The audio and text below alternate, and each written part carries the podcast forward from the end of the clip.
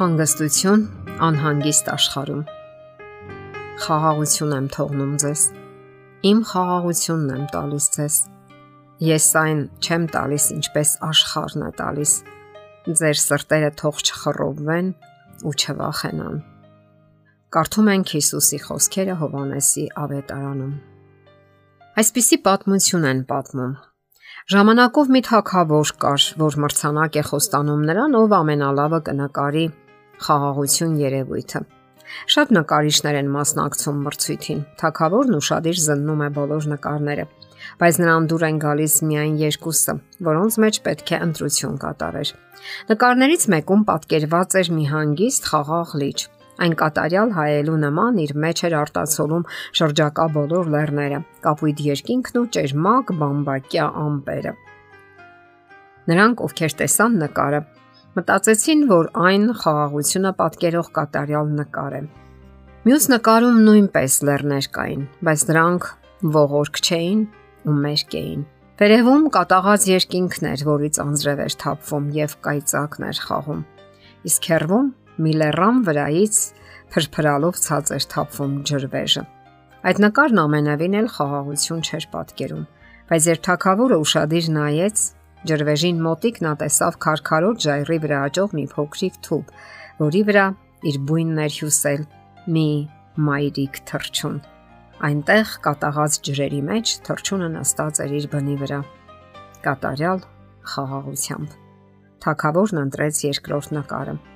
Եվ երբ նրան հարց տվեցին, թե ինչու, նա պատասխանեց, որովհետև խաղաղություն չի նշանակում լինել մի վայրում, որտեղ չկա աղմուկ, դժվարություններ, ծանր աշխատանք, բռնություն։ Խաղաղություն նշանակում է լինել այդ ամենի մեջ, բայց հանգստություն ունենալ սրտում։ Դա է խաղաղության իսկական իմաստը։ Եվ իսկապես դժվարություններ միշտ կլինեն, բայց Տերը խոստացել է, որ մեզ երբեք մենակ չի թողնի։ Այդ վստահությունն է, որ մեզ խաղաղություն է բերում։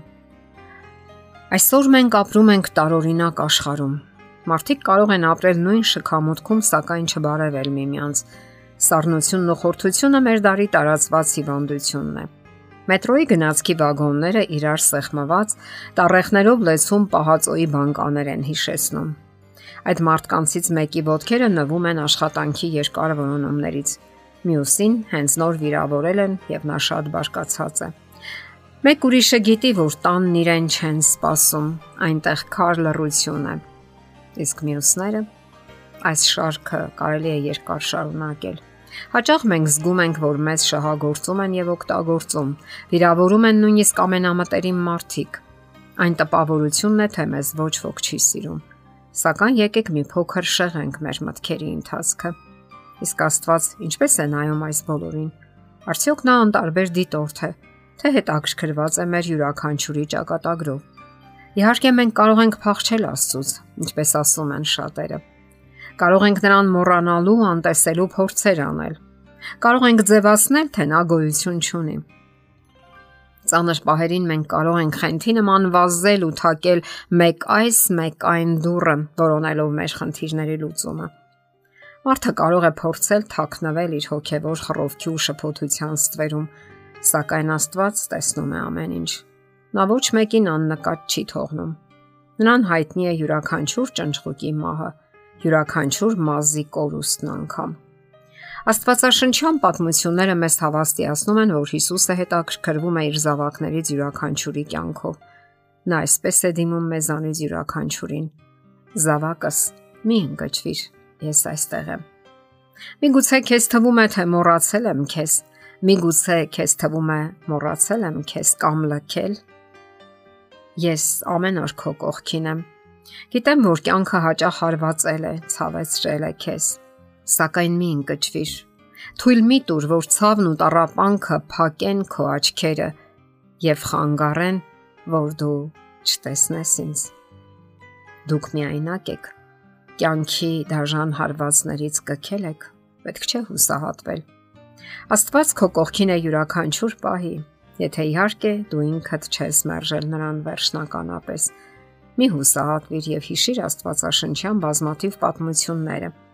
Հիսուսը տեսավ կույրերի ու կաղերի, որոնք հույսով իրեն էին նայում եւ հրաշքի էին սպասում։ Հիվանդ կանայք, որփեվայրիներ, զինվորներ, բանտապահ, նշանավոր զինվորականներ, ննջեցյալներ, ովքեր նրա ձայնից արդեն թոթափում էին մահվան կապանքներն ու ոտքի կանգնում։ Այդ պատմությունները վկայում են, որ Հիսուսը տեսնում է նաև մեզ։ Իսկ արդյոք սա հրաշալի չէ։ Հրաշալի է, որ մենք միայնակ չենք այս անտարբեր ինքն իր համար ապրող աշխարհում Հիսուսը հարություն առնելով եւ երկինք գնալով խաղաղության խոստում տվեց իր աշակերտներին եւ բոլոր նրանց, ովքեր առաքյալների խոսքով պետք է քայլեին Աստծո ճանապարով։ Խաղաղություն եմ թողնում ձեզ։ Իմ խաղաղությունն եմ տալիս։ Ես այն չեմ տալիս ինչպես աշխարը։ Ձեր սրտերը թող չխռովվեն ու չվախենան Այս խոսքերով նա երկինք գնաց, որ վերադառնա հավերժական խաղաղությամբ այն մարդկանց համար, ովքեր այս երկրի վրա խաղաղություն չունեն։ Աստծո խաղաղությունը այն գանձն է ու ապարքևը, որը ոչ ոք չի կարող խլել մեզանից։ Եթե մենք բարեկամություն ենք անում Աստծո հետ, նա թողնում է մեր սրտերում իր խաղաղությունը անգամ ամենածանր փոթորիկների պահին։ Հիշում եք մեր պատմության փոքրիկ թռշնակին, ով հզոր ջրվեժի կողքին աճած ծառի վրա հյուսել էր իր բույնը եւ խաղաղություն էր պահպանում։ Իսկ այդ նույն պահին նրա կողքին մոլեգնում էին ջրի հզոր շիթերը։ Մեր անհանգիստ օրերում մենք Աստծո կարիքն ունենք։ Նրա հզոր ձեռքի տակ հանգստություն պահպանելու եւ մեր կյանքը ամբողջովին նրան հանձնելու համար։ Եվ նա կպարգևի իր խոստացած խաղաղությունը։ Եթերում է ղողանջ հավերժության հաղորդաշարը։